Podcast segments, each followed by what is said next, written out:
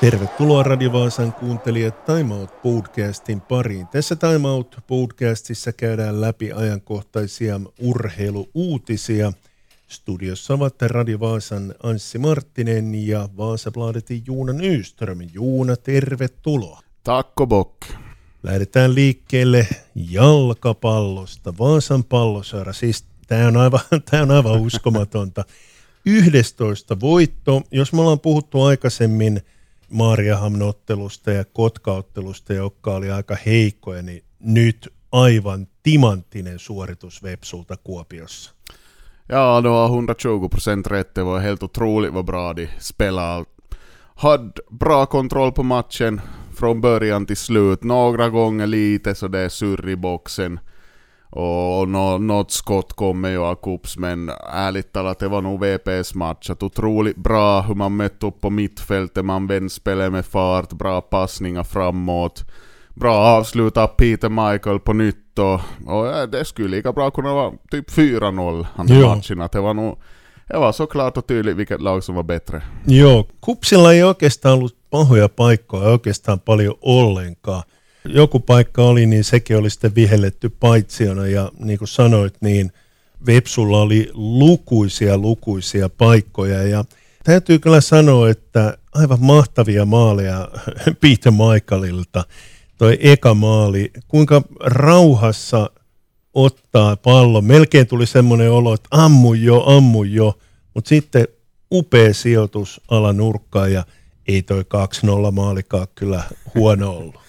No om du tänker dessutom på det första målet så tror jag det var Juhani Pikkarainen som bryter Mm. bollen, han slår perfekt på kanten och så kastar sig Evgeni Bashkirov och för vidare skarva till, till Harrison Sawyer och alltså är ju som perfekt kontring från början till slut och det andra så såg man igen Sawyer Michael en nickskarven där över backan och så far han iväg och lyfter kyligt innan alltså är nog som han själv sa i TV-intervjun efteråt att det är nog självförtroende på topp nu och det blev väl elfte målet nu för Michael och elfte raka för VPS så livet leker nog nu för full gas och Esbo nästa nu då på fredag. Joo, me puhuttiin silloin jossain vaiheessa, että äh, saa nähdä, miten äh, Vepsun käy, pysyykö sarjassa. Ja nyt on tilanne se, että taistellaan mitalleista. Aivan, aivan uskomaton tilanne ja tosi tärkeä peli on tämä seuraava peli, koska myöskin Honka on tuossa pronssimitallissa kiinni. Toki, jos Kups pelaa näin huonosti, niin mahdollisuuksia on vaikka mihinkään, mutta ehkä nyt ei lähdetä sitä hopeasiaa tavoitteleen, vaan se pronssikin olisi ihan uskomaton. Nu är bara fyra poäng upp till Kups men ja, vi sa väl kanske här redan här i något skede att, att Honka är största konkurrenten egentligen om man tänker på det här bronskampen, att SIKs formkurvor har inte pekat åt rätt håll och Honka var och vann just i Seinejoki nu i första omgången i övre serien. Så jo, är ju en jätte, jättestor match på fredag. Intressant utmaning för VPS igen att fara ner till Esbo då. Och ganska bra egentligen tycker jag att de får ta de här bortamatcherna här i början och sen spela lite på hemmaplan så att Ja, vi får se här naturgräs i Hagalund ännu och VPS tränar på Karlsplan den här veckan för att anpassa så de får halka runt lite på blöta gräsmattor nu då. Joo, SJK oli jossain vaiheessa jopa mestaruusvauhdissa, eli, eli pelasi erinomaista peliä. Sitten heidän hyvin pelannut maalivahtinsa lähti, ja nyt tuntuu siltä, että SJK maalivahdit ei saa kiinni edes rantapalloa. Ja, är lite märkligt. Jag vet inte om vi har pratat om det här redan, men alltså de lånar ju in en ung målvakt från Arsenal och och då säkert Arsenals akademi. Men han stack ju då i början av sommaren, eller var det där kring midsommaren kanske, och efter det som du säger så har inte alls lyckats. De har värvat in två målvakter och var ena från Lettland och andra från Nicaragua eller var det var Mm. någonstans i Sydamerika, Centralamerika. Och, och ingen där riktigt lyckades, så att det är ett knepigt läge de har satt sig i.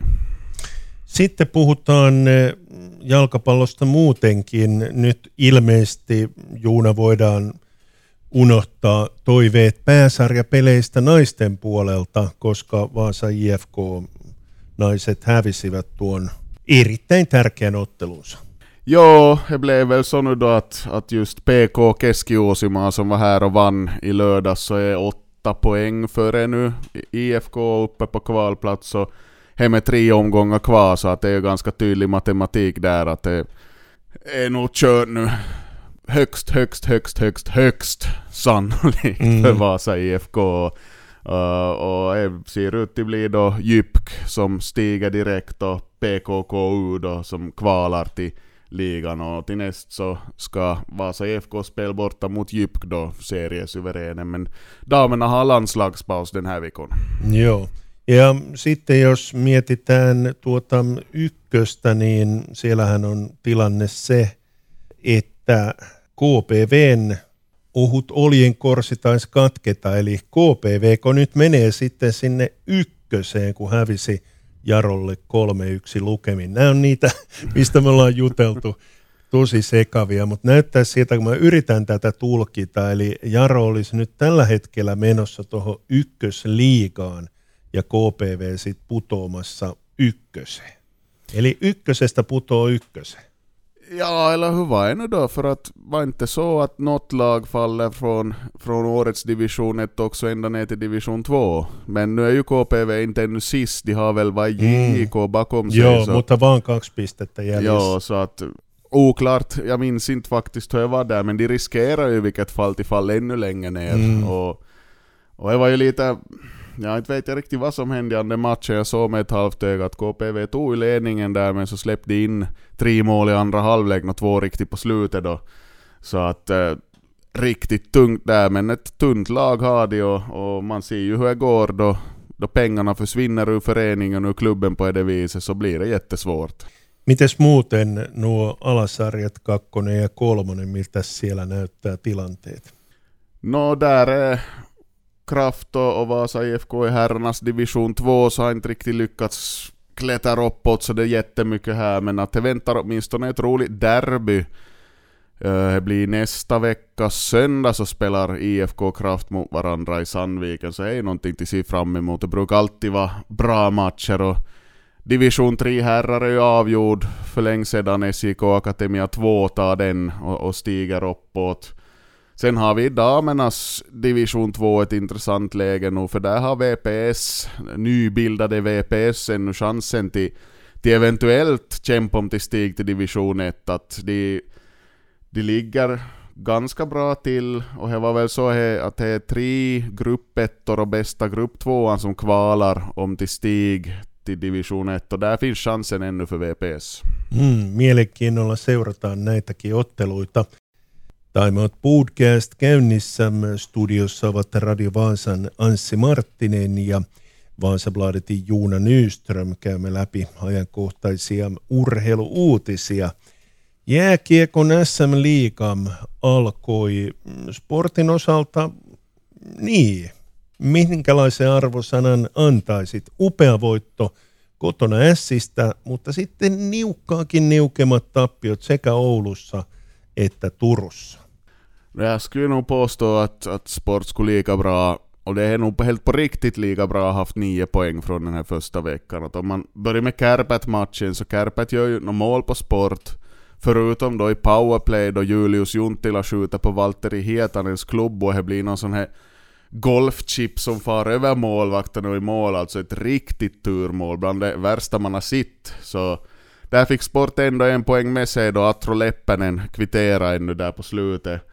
Sen bra match mot S1 som du sa, powerplay klicka, det mesta fungerar. Men sen, sen så jag vet inte, på tal om det värsta man har sett, så Sports powerplay mot TPS i Åbo i lördags så, jag vet inte om det var här att Reece Scarlett var tillfälligt avstängd och saknades på blå linjen, men alltså det var sånt roddas. De släpper till två frilägen åt samma spelare, en kanadensisk skytte som heter Aiden Dudas som slipper iväg. De släpper två straffar då de tar omkull honom. Och no, åtminstone räddade ju Rasmus Reiholand det ena, så att där kommer ju också Ato Arni och gjorde två mål, varav det andra i början av tredje, och sen ägde ju Sport spelet ganska länge i tredje perioden, men så släpper de in ett retsamt mål i slutet och, och förlorar och blir helt utan poäng. Så jätte, jättesmå marginaler var det nog den här veckan och, och det skulle kunna varit betydligt fler poäng. Mm, jos Sportilla olisi ne täydet yhdeksän pistettä, niin Sport johtaisi sarjaa. Tänker. Sillä Turun palloseura johtaa tällä hetkellä sarjaa kahdeksalla pisteellä. Sitten on Ilves 7 ja Tappara 6. Tosin Tappara on pelannut vasta kaksi ottelua.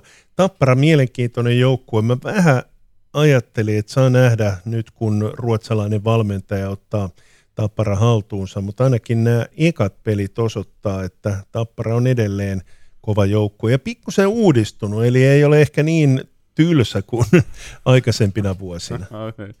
ja, nej, no, så förstås, man pratar om Finlands tråkigaste lag ibland. Mm. Uh, vilket är lätt gå till då någon, de spelar på det viset om man la på. Men nej, nu, nu är det klart att Tappara slåss om guld även i år. Det här. Det finns en stark, stark vinnarkultur i laget. Rickard Grönborg, nya coachen, så han är ju trots allt meriterad, erfaren. Båda vet vad han gör och, och stor budget. Har man lagt, stor spelarbudget och så allting, allting talar ju för att de är där och strider om guld. Det blir jätteintressant att se hur Antti Pennanens Ilves sätter emot den här säsongen, för det är många som säger att Ilves kommer till vara kanske bästa, största guldkandidaten sen mot våren. Och vi ska inte räkna bort Helsingfors IFK heller. Däremot så vet jag inte med Kärpät, jag var inte alls övertygad av det och det var den första matchen men ändå samtidigt så måste vi ju komma ihåg också att det blev ju en jätteotäck, trist skada för sport i helgen som kan ställa till det framöver. Det var i, i fredagsmatchen mot S då hemmapremiären, Valtteri Hietanen, mm. så knä vek sig otäckt under kroppen där och igår blev det klart att han kommer att vara bort flera månader så jag, jag pratade med sportchef Herko Koske han sa att de letar aktivt nu efter en ersättare för att Hietanen är så pass viktig, stark defensiv back att de har nödvändigtvis inte i egna led av de här unga pojkarna heller som kan kliva in rakt i hans roll så att det kan komma spelanyheter ganska hastigt från, från till och med den här veckan. Niin, mehän puhuttiin kyllä siitä, että kun herra Brown saapui joukkueeseen, niin vähän ihmeteltiin sitä, että kun hyökkäjiä tuntuu olevan aika paljon jo muutenkin, ja tuo pakkikalusto oli aika kapea, niin hieman ihmetytti, että miksei puolustajaa hankittu. Mutta tietysti näähän on sellaisia tilanteita, että jos ei ole puolustajaa tarjolla, niin vähän vaikea niitä on myöskään ottaa. Ja, och det var Koski sa åt mig igår att det finns inte nödvändigtvis massor med spelare ut på marknaden, man får nog faktiskt se sig om åt alla håll och och nu, nu var en kaveri och tipsade mig om att, att Djurgården i Hockeyallsvenskan har släppt några backar, så det kan hända att det blir ännu mer värvningar från Sverige mitt i allt, man vet ju aldrig. Som du säger, Sports anfall är ganska bra, det finns ganska bra bredd, nu gäller det bara att få igång dem ännu mer och få igång det här målskyttet, för att det var ju lite där det föll mot både TPS och Kärpät, att det fanns lägen till att göra alldeles tillräckligt med mål, men det var lite målram och det var lite allt möjligt istället. Niin, Sport pelasi ekalla viikolla kolme ottelua. Jos mä oon ymmärtänyt oikein, niin seuraava peli on vasta perjantaina Kouvolassa. Aika erikoinen tämä otroligt det här schemaläggande i finländsk ishockey. Och nu spelade den här veckan då Kouvola på fredag och Vilmanstrand på lördag, alltså KK Saipa. Sen nästa vecka så blev det väl så då att de har Kärpät hemma onsdag, sen ska de till Lahtis och spela mot Pelikans på fredag och så hem igen på lördag för att spela mot Jukurit. Och det är det klassiska med ligan, att det blir ju nästan som en bortamatch på hemmaplan då du ska hålla på och resa det fram och tillbaka. Men... Mm, ja kun ajattelee, että jos Lahdessa pelataan, niin miksei sitten Mikkeli-ottelu olisi pelattu myöskin vieraissa? Ja, det är ju en bra fråga. Hei, viss skillnad på avståndet där. Mm, kyllä, kyllä. Mutta KK ja Saipa tällä viikolla, eikö me olla nyt sitä mieltä, että kuusi pistettä olisi melkein se pakollinen, mitä pitäisi saada? Ja, tycker jag. Att minst fyra poäng ska det nog vara, och sex poäng skulle nog vara bra. Att KK och Saipa så känns ju som två lag som ska eventuellt ligga och slåss på samma placeringar som Sport om de lyckas bra. Att Saipa har ju haft det svårt, haft sina utmaningar. KK har varit lite bättre, haft lite bättre framtoning i ligan de här senaste säsongerna. Så det blir två intressanta matcher och förstås bra då att då du en gång ska bo, på den här bortaturnén, att du får den här början av veckan, får lite vila, får samla ihop schacket igen och, och förstås bra för sport också att Reece Scarlett inte blev avstängd mer än i en match. För det visar ju sig i Åbo att han behövs nog där på blå linjen. Sitten eh, puhutaan vielä tenniksestä. Suomi teki melkoisen paukun ja kaatoi muun muassa USA, kun selviytyi Davis Cupin näihin loppukikkereihin, jossa taitaa olla kahdeksan maata mukana. Aikamoinen suoritus, kun ajattelee, minkälaisia joukkueita oli vastassa. Ja, verkligen. Att det har ju funnits lite så framgångsvibbar i, i finländsk tennis på sistone. Vi pratade ju här senast om US Open till exempel. Och det är väl Jarkko Nieminen som är med där som coach också i det Davis Cup-laget och bidrar med sin erfarenhet och sina synpunkter och förstås en stor triumf som gick mig helt förbi, alltså fokus på allt annat i helgen. Men, men det blir ju intressant nu då det är väl någon sorts turnering då som de ska samlas till Joo. de åtta bästa småningom. Så. Joo. Taitaa olla näin. Joo, täytyy myöntää, että mullakin kyllä toi Davis Cup jäi aika lailla vähille huomioille, mutta todella upea suoritus. Me aikoinaan unohdettiin myöskin Harri Heliövaaran eh, nelinpeli voitto tai sekanelinpeli voitto tuolla US Openissa ja mä lähinnä olin silloin kiinnostunut siitä, että Harri Heliövaara tienasi tuolla voitollaan 80 000 euroa. Muistaakseni naisten kaksinpelin voittaja voitti kolme miljoonaa euroa jotenkin tuntuu, että toi sekanelipeli ei ole kovin arvostettu. 80 000 on aika pieni raha, kun puhutaan tenniksestä.